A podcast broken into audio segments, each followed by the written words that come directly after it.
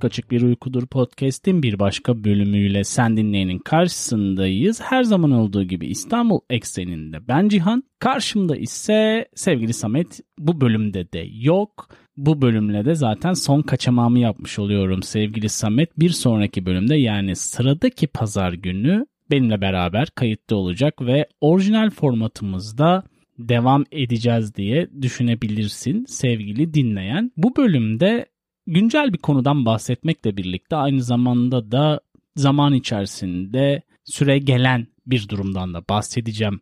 Çok yakında eğer bu bölümü güncel dinliyorsan yarın eğer güncel dinlemiyorsan belki önümüzdeki yıl bile dinliyor olsan yine güncelliğini koruyabilecek bir bölüm olarak düşünebiliriz. Çünkü bu okullarda ücretsiz öğle yemeği tanımı uzunca bir süredir bazı ülkelerin devlet politikası olarak uyguladığı, bazı ülkelerin ise yana yaklaşmadığı bir durum esasında. Hafiften bölüme böyle girizgah yapalım sevgili dinleyen. Temelde baktığımız zaman her çocuğun kaliteli, sağlıklı gıdaya ulaşma ve eşit beslenme temel bir hakkı ve bu sosyal devletlerde de sağlanabilmesi gereken bir durum. Neden diye böyle sorarsak çünkü iyi bir öğle yemeği beslenmekten çok daha fazlası olmakla birlikte geleceğe yatırım olarak da düşünülmeli.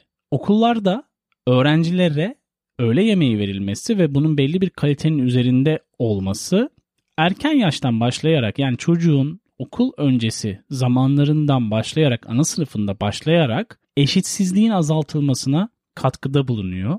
E bu temel gıdaların zaten sağlanması gerektiği konusunda hemfikir olmadığımızı düşünmüyorum sevgili dinleyen. Ama ve lakin işte çocukların çoğunlukla buna ulaşamıyor olması yani hani eşitsizliği yoksulla zengin demeyeyim de hani yemeğe ulaşabilen çocukların arasındaki o hani marjın daha da açılmasının önüne geçilmesi için en temel anahtarlardan biri olarak düşünüyorum ben. Sonuç olarak çocukların nerede yaşarsa yaşasın beslenme fırsatına sahip olması devletlerin olmazsa olmazı olmalı.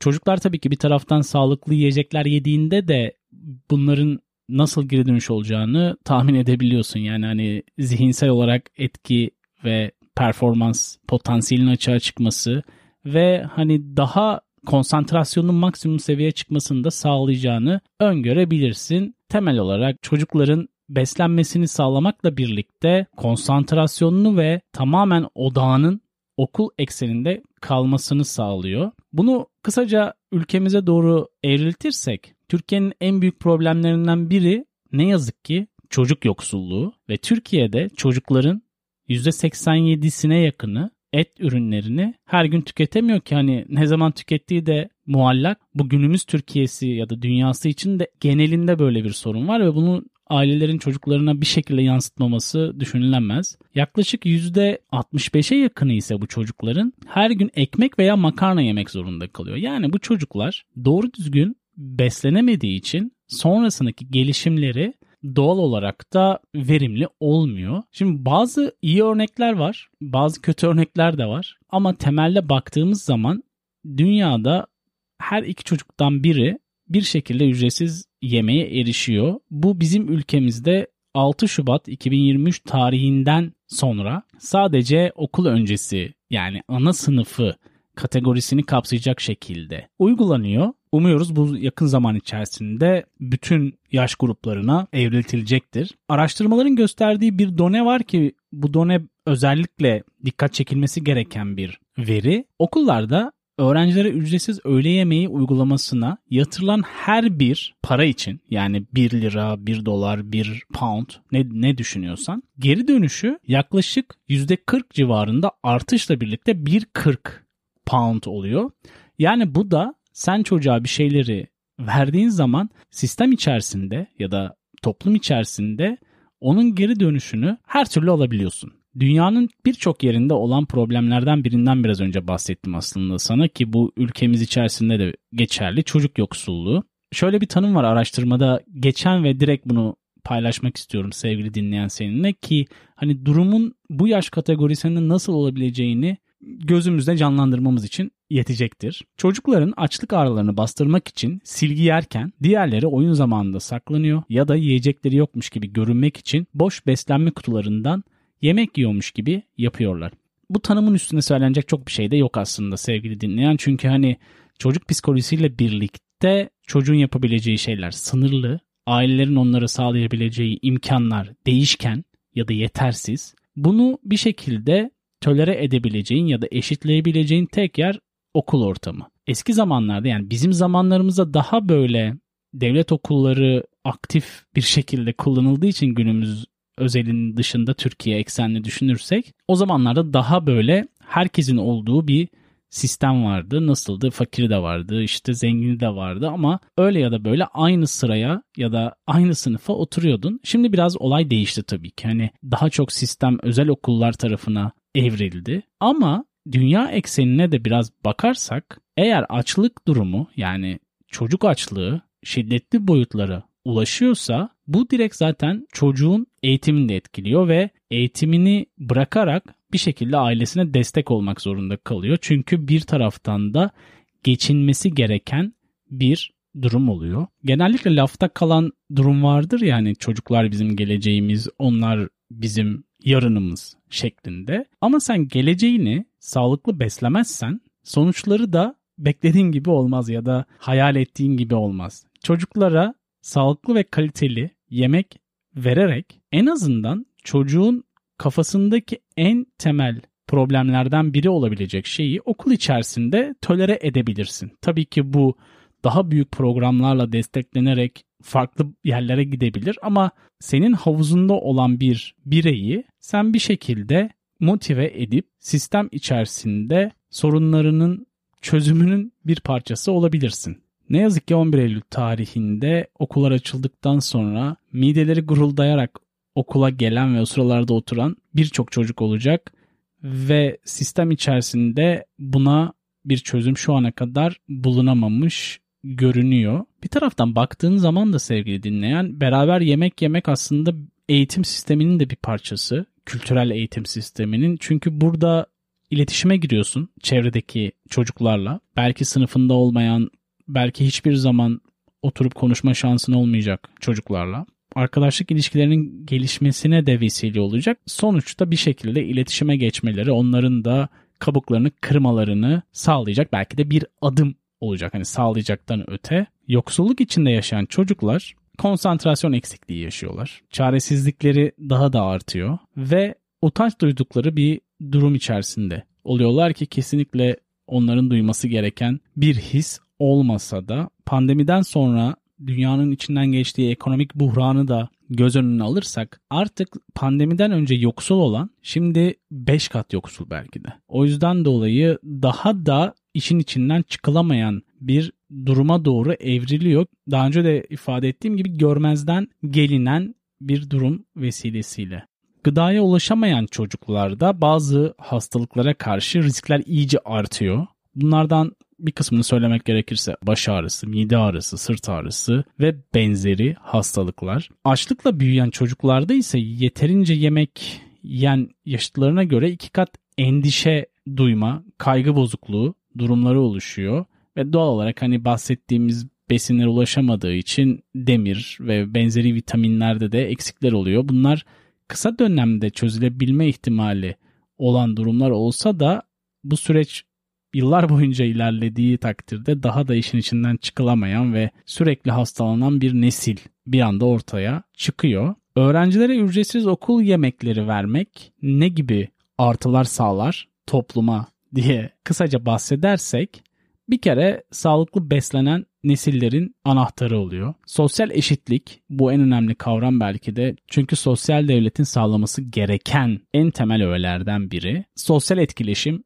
ve öğrenme. Bunlar etkileşimle birlikte daha da efektif oluyor diye düşünebiliriz. Araştırırken karşıma çıkan üzücü bir grafik var ve bunu sizinle paylaşmasam olmaz. Bu grafik gıda güvensizliği grafiği ve 15 yaş altı çocuklar bazlı olarak ülkelere göre bir yüzdeler var. Bu yüzdelere baktığım zaman Japonya'yı görüyorum. En başarılı olan %1.4 mertebesinde ve total average'a baktığım zaman da 12.7 olarak görüyorum yüzdeyi. Ama değerlendirilen ülkeler içerisinde grafik tabii ki hani iyiden kötüye doğru gidiyor ve bu grafiği bu arada bölüm notlarına da koyacağım sevgili dinleyen oradan da bakabilirsin. Meksika ile birlikte Türkiye ne yazık ki oran olarak en yüksek durumda ve hani 12.7'lik ortalamanın çok çok üzerindeyiz. %34'lere yakın ki Meksika'da %35'lerde. Bu aslında bizim biraz daha bu işe ne kadar önem vermemiz gerektiğini de gösteren bir grafik. Öğrencilere ücretsiz yemek veren bazı ülkeler var uzun zamandır. Bunlar bu programları yapıyorlar. Bunlardan bazıları İsveç, Finlandiya, Estonya, Hindistan, Güney Kore, Amerika, Portekiz, Fransa, Singapur, Brezilya, İngiltere, İtalya. Hepsine tek tek girmeyeceğim sevgili dinleyen. O şunu veriyor, bu bunu veriyor diye.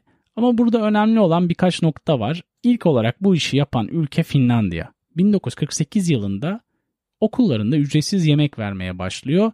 Yani aslında bu beslenmenin uzun bir geçmişi var. Avrupa'daki okullar, hayır kurumları, hükümetler uzunca yıllardır çeşitli biçimlerde ve çeşitli şekillerde okullara ücretsiz yemekleri sağlıyorlar. 2022 senesinde yapılan araştırmada şöyle bir bulguya erişmişler Avrupa Birliği içerisinde.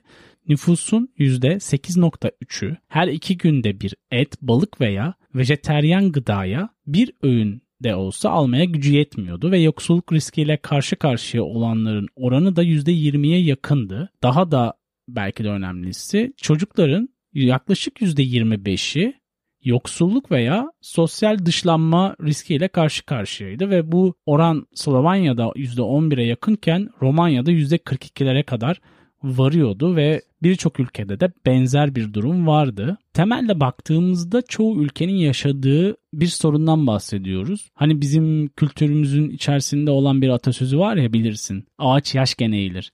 Yani çocuğa küçük yaşta sosyal güvence motivasyonu vermediğin zaman, bunun olduğunu hissettirmediğin zaman o çocuğu sistem içerisinde ne kadar tutabilirsin ya da onun güvenini ne kadar sağlayabilirsin diye sormak gerekiyor ki bunun aslında en kolay yöntemi o çocuğa hani deriz ya bir tas sıcak yemek. Onu verebilmek çok önemli ama ne yazık ki bunun önemi çok bilinmiyor ve çok da bilinecek gibi de gözükmüyor. Dünya nüfusunun da bu kadar arttığı bir yüzyılda daha da artacağını düşünürsen ki Robert Huber'e teşekkür ediyoruz buradan. Dünyanın tamamen şeklini ve ömrünü kısalttığı için büyük bir soru işareti. Benim değinmek istediğim son noktalardan biri ise bir başka araştırma. Bu da dikkat edilmesi gereken ve önem gösterilmesi gereken bir done. Bu araştırma da Finlandiya'da yapılmış. Düşünün Finlandiya tarafında. Pazartesi günleri okulda yiyecek tüketimi haftanın diğer günlerine göre